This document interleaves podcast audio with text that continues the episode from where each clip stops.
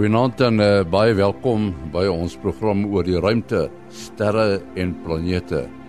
Ons het vanaand vir professor Mati Hofman van die Boden Sterrewag, die Digitale Planetarium en die Universiteit van die Vrystaat en vir Willie Koorts van die SAAO by ons. Daar's ook 'n ruimte weernuus, maar eers ruimte nuus wat geskryf word deur Herman Turin in Bloemfontein. Die moontlikheid dat lewe op aarde ontstaan het deur materiaal wat uit die ruimte kom, het by wyse van spreuke nuwe lewe gekry toe wetenskaplikes van Harvard vir die eerste keer 'n nuwe volledige proteïen op 'n meteoriet gevind het wat in 1990 in Algerië geval het. Dit staan as hemolytin bekend. Die proteïen bevat hoofsaaklik aminosuur yster, suurstof en lithium atome wat die punte bedek. Al die bestanddele is goed bekend, maar die spesifieke samestelling is nog nooit op aarde waargeneem nie. Verskeie gevalle is reeds aangemeld van aminosure, suikers en ander bestanddele wat 'n voorvereiste vir lewe is en is al tevore in meteoriete en komete gevind wat die argument versterk dat die elemente vir lewe oorspronklik uit die ruimte kom. Ons sal meer verskaf oor hierdie inligting verder af in die program. NASA satelliete het sê dat voorsorgmaatreëls teen die dodelike COVID-19 virus in China ingestel is, 'n uh, baie skerp afname van stikstofdioksied besoedeling oor die land waargeneem. Hierdie afname is 'n jaarlikse verskynsel wat met die vieringe van die Chinese Maan Nuwejaar verband hou maar vanjaar se afname word as veel beduidender beskou. Die opklaring het boonop begin by die Chinese stad waar die siekte die eerste keer uitgebreek het en dit is Wuhan en toe daarvan af uitgekring. Stikstofdioksied besoedeling hou verskeie gesondheidsgevare in soos respiratoriese probleme. Tot sover dan ruimte nuus wat geskryf word deur Herman Turin in Bloemfontein. Hier is Kobus Olkers met ruimte weer nuus. Kobus. Goeienaand en goeienaand luisteraars. Ja, alweer 'n stillerige week voor ons en, en agter ons ook. Ons het natuurlik uh, mooi auroras gesien, maar ons sal net daaroor verder gesels. Eerstens is daar geen magnetiese aktiwiteit of geen sterk magnetiese aktiwiteit op die son op hierdie stadium wat enigsins enige koronamassa uitbarsings of enigiets van die aard kan veroorsaak nie om die waarheid te sê daar was vir die afgelope meer as 'n maand nog glad nie so iets nie wat maar net weer vir ons aandui dat ons baie naby aan die son minimum is. En dan natuurlik nog 'n ding wat vir ons wys dat ons naby aan son minimum is, is die twee uh, groot kroonkoronagate van die son in die noordpool van die son en by die suidpool van die son. Dis nou die fisiese noord en suid relatief tot ons noord hier op aarde. En uh maar die sonwind wat daaruit geblaas kom, uh waai heeltemal haaks op ons op ons rigting en dit kan die aarde glad nie beïnvloed nie. Daar is wat koronagaatjies aan betref, wat natuurlik nou 'n eienskap is ook van hierdie tyd van die van die uh, sonsiklus. Is daar 'n kleintjie wat verlede week uh, hier teen donderdag al reeds begin 'n uh, bietjie um, vinniger sonwind uitgeblaas het. Hulle gaan nog geo-effektief bly tot ek sou sê so Vrydag se koers toe. So daar's 'n ligte son um, sonwindjie wat waai. Uh sien hier so in die orde van 500 na 600 km per sekonde dit gaan natuurlik ons mense wat langafstand kommunikasie probeer bedryf gaan dit 'n bietjie uh raserig maak vir hulle en maar verder geen effek nie. En soos wat ek 'n minuut of twee of so gelede gesê het, het ons 'n uh, redelike mooi auroras gesien hierdie ehm um, afgelope week by die naby aan die noord en die suidpole.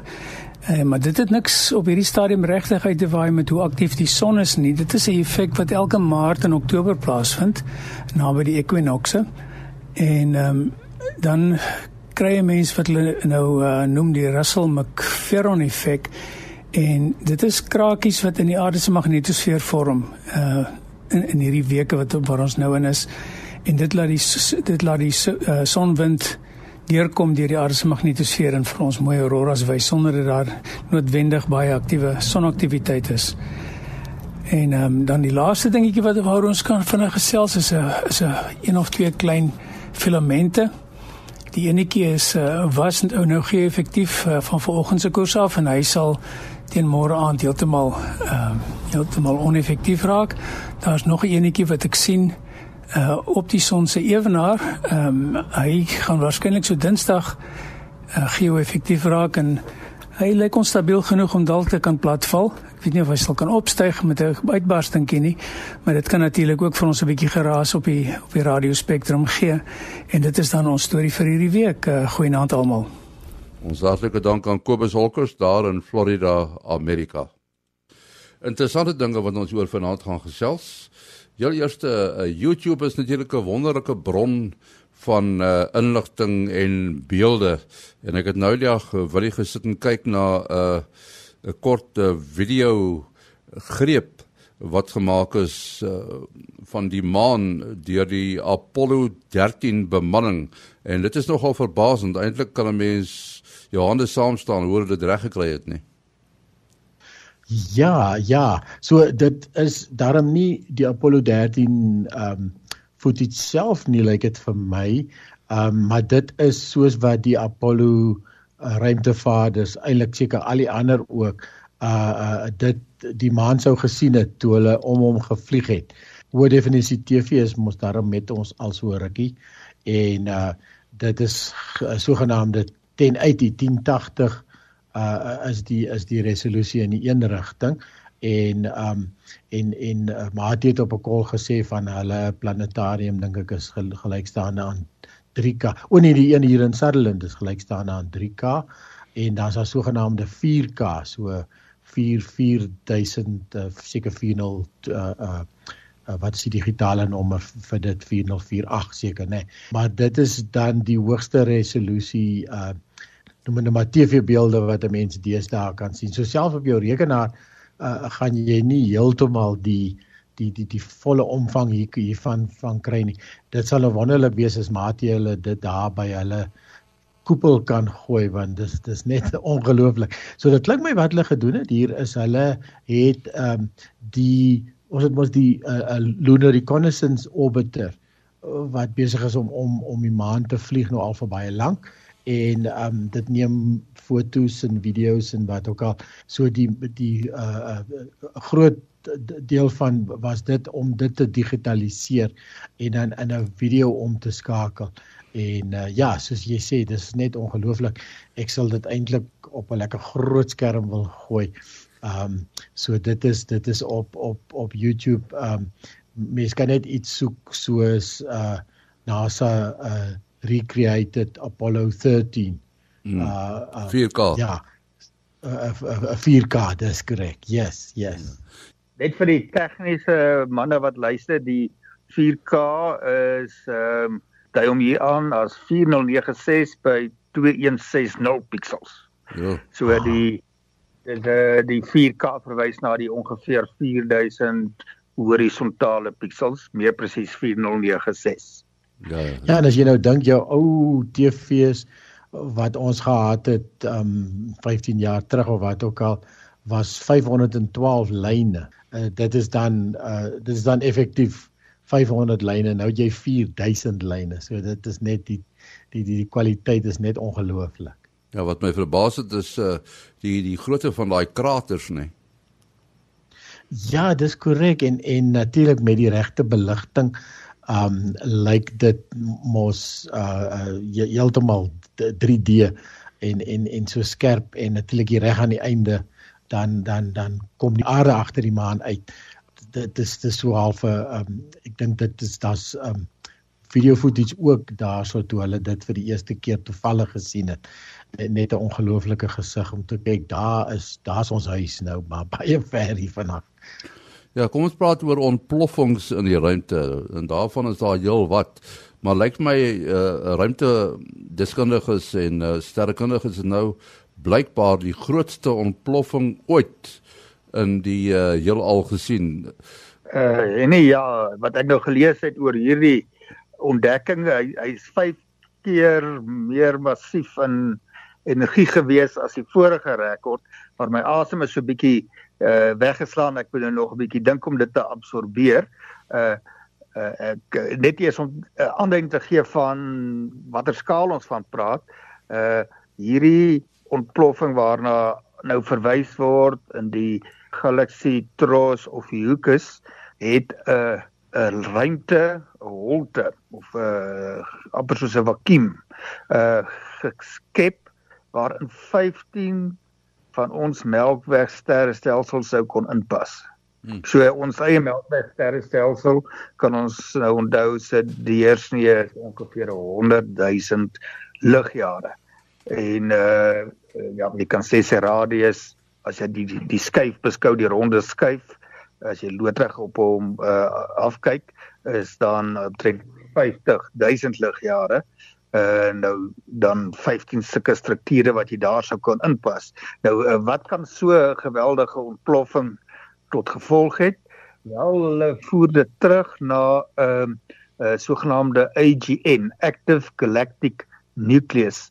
Nou dit is waar jy 'n uh, geweldige uh massiewe gravitasiekolk het in die middel van 'n uh, sterrestelsel en uh, uh baie tipies sal hierdie groot gravitasiekolke materiaal laat inspiraal wat dan so 'n kresie skuif rondom 'n amper 'n plat skuif van materiaal wat inspiraal. En in sekere gevalle vorm dit geweldige energieke uh strale of uh jets is ek is die uh, uh Engelse term wat dan loodreg op daardie akresie skuif in twee verskillende rigtings uh uitstraal. En uh dit versnel deeltjies tot amper relativistiese snelhede, amper die spoed van lig. En dit is daardie jets wat dan nou hierdie holte uitgekerf het. So kan mense vra vra hoe weet hulle dit? Wel, um, hulle moes van ruimteteleskope van verskillende nasies gebruik maak aan die een kant die Chandra wat sy oorsprong in NASA uh, van Amerika het en die ander een is die XMM Newton uh, Extra teleskoop wat weer sy oor, oorsprong by die hele Europese ruimteagentskap ESA uh, het. En hulle het reeds hierdie 'n bepaalde struktuur en 'n uh, uh, uh, AGN het hulle reeds in 2016 waargeneem, hulle toe heeltemal 'n ander verklaring gegee van wat hulle daar sien. Maar toe hulle nou die data kombineer met die XMM Newton se uh, se waarnemings aan die, die XMM Newton het eh, 'n uh, 'n tamelike skerp lyn in hierdie uh warm gaswolk wat wat in die sterrewag uh, tros wat nou so tussen die sterrestelsels versprei is het 'n uh, tamelike skerp lyn uh, wat nou die rand van die holte is wat uitgekerf is. Uh, dit sal nou nog nie die die die mense sommer oortuig nie, maar hulle toe met die radio uh, uh teleskope op die aarde, so dan die twee ruimteteleskope wat in die ekstrale waargeneem het wat baie energieke straling is soos wat ons weet, want dit beweeg met gemak deur die mense liggaam en word vir uh mediese beeldvorming uh, van skelette ensovoorts uh, ge, gebruik. Dis nou aan die hoë kant, hoë energie kant van die elektromagnetiese spektrum, die radiogolwe is aan die teenoorgestelde kant. Uh met behulp van die waarneming van die uh, radiogolwe wat uit daardie uh omgewing uh waar die holte nou gevorm is uh, uh waargeneem is, kon hulle bevestig dat die uh radiogolwe nou baie hoër energie verskuif is nog steeds natuurlik baie laag in vergelyking met die ekstrale maar 'n uh, hoër energie as wat vir die tipiese spektrum van radiogolwe in so 'n omgewing uh verwag word. Wel mens kan op sommige sê die die fisika agter hierdie hele uh, verstaan van hierdie proses is ingewikkeld, maar laat ons nou maar uh dit die skaal van die ontploffing verstaan uh by wyse van die letsel wat dit daar in hierdie warm uh gaswolk wat die uh sterre stelsel tros uh vul. Uh, hierdie letsel holte van omtrent 15 maal die grootte van ons eie Melkwegsterrestelsel. Ja, wat 'n mens miskien moet onthou is dat hierdie ontploffing uh kon al ja, hoeveel ligjare gelede gebeur het, nê? Nee? Ja, ja, dit het nie so vinnig gebeur soos wat 'n supernova gebeur nie. In hierdie bepaalde sterrestelsel uh tros is ongeveer 400 miljoen ligjare van ons af. So dit is nog relatief naby in terme van die grootte van die heelal. Ons eie uh, Melkwegtros strek so uh, uh, enkele miljoen ligjare en ons eie supertros, uh, die Virgo supertros uh wat dit seker so ongeveer 'n 100 miljoen ligjare uh groot. So dit uh die Ophiuchus uh tros is dan nou een van die nader uh, geleë supertrosse. Ons praat so oor ontploffings in die program en uh ons het ons eie ontploffings hier op aarde en dit is nou as 'n uh, ruimteskip uh dit is nou in die geval die uh Starship van uh SpaceX die die het ontplof uh, toe hulle probeer het om hom uh, te lanseer of 'n toets uitgevoer het. Dit was 'n druktoets, né, nee, Willie? Uh, Elon Musk is is is net besig om om om heeltyd nuwe nuwe goederes te te wil ontwikkel. Is net ongelooflik mens besef ja nie elke dag wat wat alles daar aan die gang is hier so.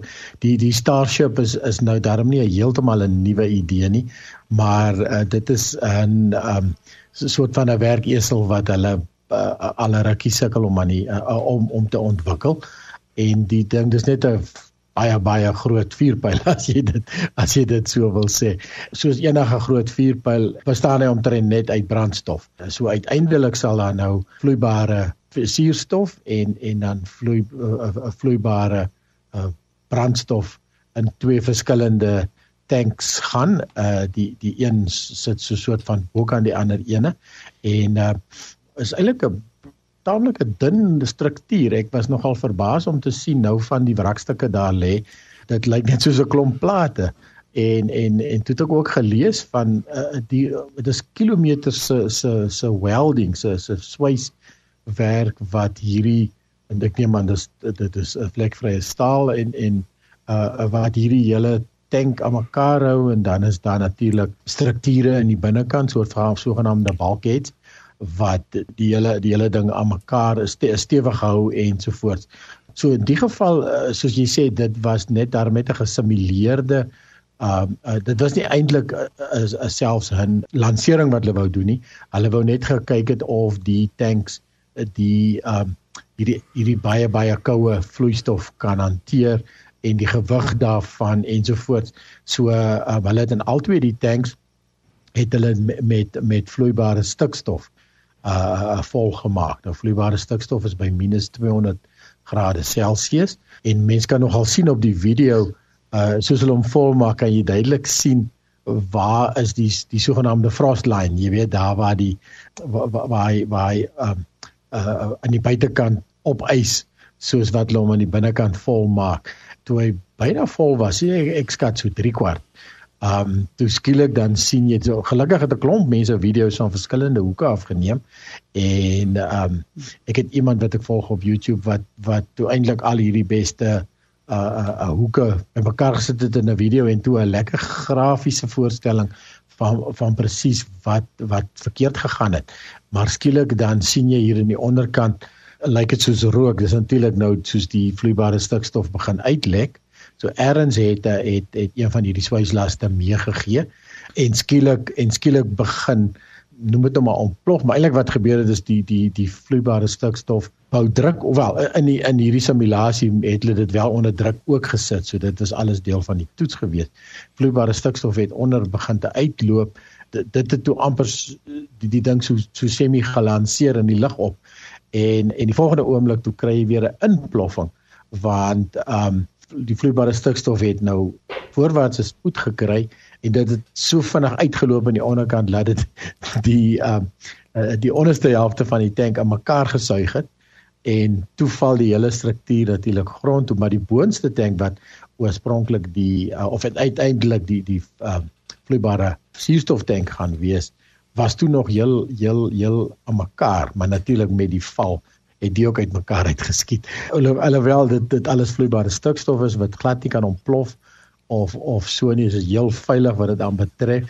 Um maar omdat dit so 'n klomp ongelooflike koue vloeistof is, um uh, het dit nog al 'n lekker uh, prentjie gegooi. Uh, uh gemaak. Nou ons gebruik ons vloeibare stikstof hier om ons instrumente af te koel en ons het al partymal as jy so 'n bietjie van mense rondwys en jy wil jy wil vir hulle so 'n bietjie uh, uh, uh, uh laat beïndruk dan veral op 'n lekker koue dag dan gooi jy 'n bietjie vloeibare stikstof in 'n koffievles en en dan gooi jy dit buitekant uit. Dit is gewoonlik wanneer ons uh uh vir hulle iets daarmee wys en dan die res gooi jy net uit en dit dit dit lyk regtig nogal soos 'n lekker ontploffing. Die uh, ruimte is vol verrassings.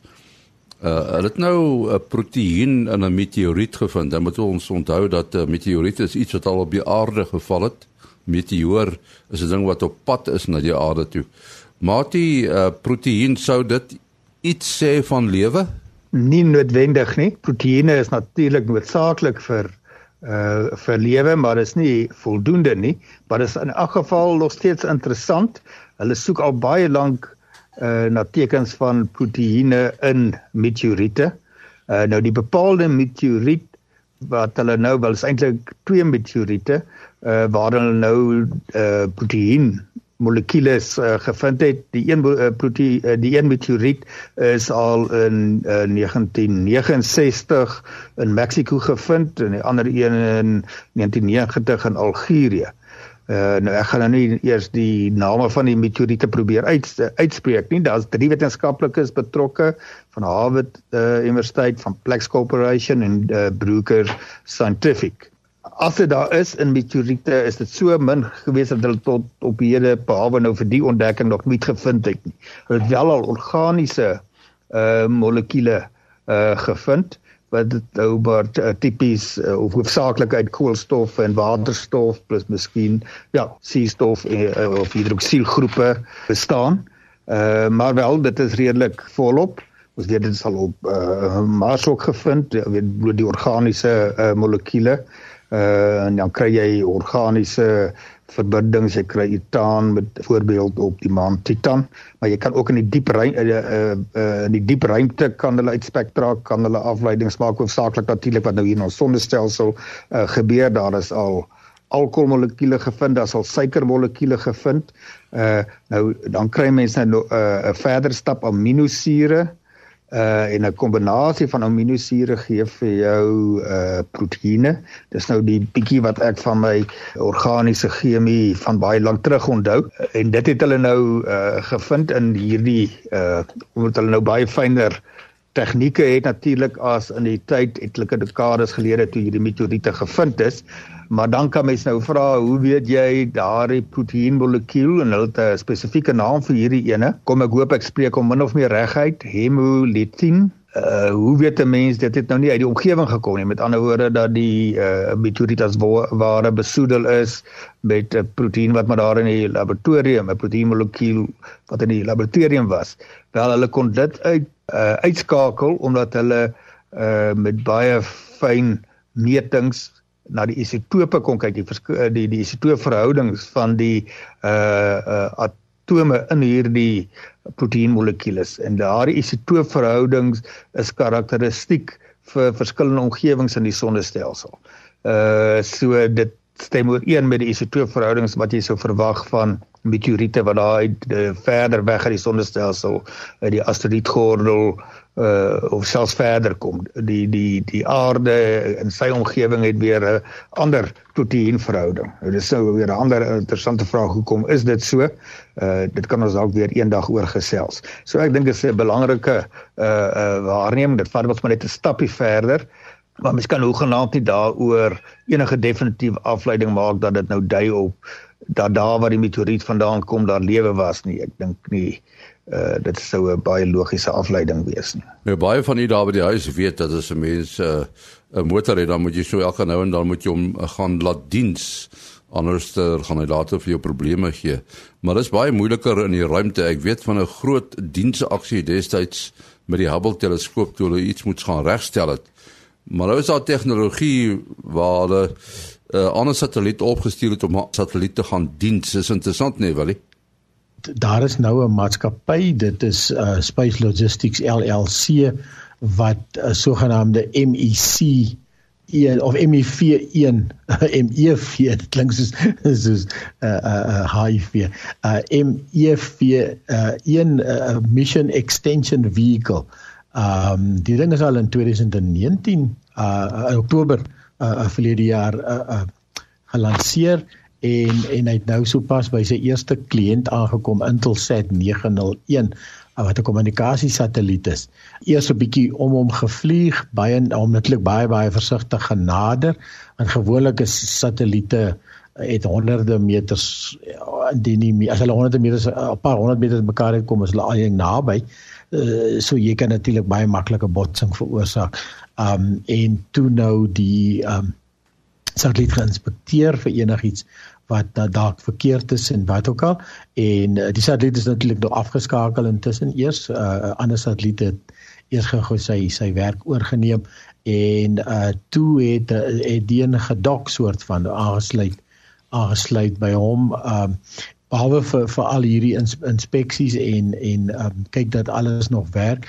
Uh die die grootste um ding wat hulle nou eers gou gaan doen is om sy lewe te verleng deur sy baan 'n bietjie op te skuif uh wat die satelliet self nie meer kon doen nie. Ja, so hulle hulle is besig met die met met MEV2 uh wat hulle binnekort wil lanseer.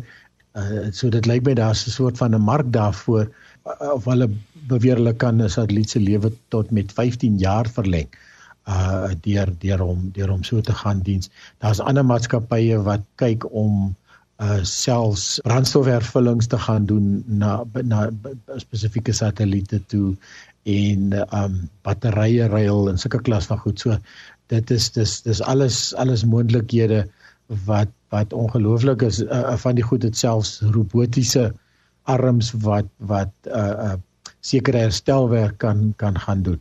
So uh, uh dit is eintlik al 'n hele nuwe nuwe era iets wat wat wat beslis nie nou onlangs nog um, nog moontlik gewees het. Uh, wat interessant is is dat hierdie MEV1 'n uh, leeftyd van tot 15 jaar kan hê. En uh, as hy nou klaar sy werk met uh, die uh, Intelsat 901 gedoen het om uiteindelik na sy begrafnis uh baan te verskuif dan kan hy gaan uh, dan sy beskikbaar om ander satelliete te gaan help. En 'n uh, ander interessante ding wat ek ook in die storie gesien het is dat hulle MEPs Mission Extension Pods beplan wat dan nou kleiner is en dan nou net die satelliet wat dit bystaan uh se baan binne in sy baan om 'n bietjie kan rondskuif en hom nie wat nie genoeg energie sal hê of kragtig genoeg sal wees om 'n baanverandering teweeg te bring nie. Uh maar uh, lyk my as 'n mens nou daar kom baie soorte besighede daar in die ruimte as mens nou kan proaktief wees en ver vooruit kyk kan mens allerhande uh, ruimte besigheidsname registreer en probeer kopiereg daarop kom dat hulle dit later by jou moet koop. so het mense destyds moet moet internetadresse gemaak, né? Nee? Mense ja, het ja. het adresse geregistreer wat hulle weet uh gaan iemand soek en dan hulle tot die diefstal hulle terugverkoop. So ja. ja. Ons moet afsluit ongelukkig. Maatie jou be besonderhede? Uh 0836257154. 0836257154. Wat is? Is 0724579208. 0724579208. En my e-posadres maas.henny@gmail.com. maas.henny@gmail.com. Volgende week is ons terug. Tot dan, mooi loop.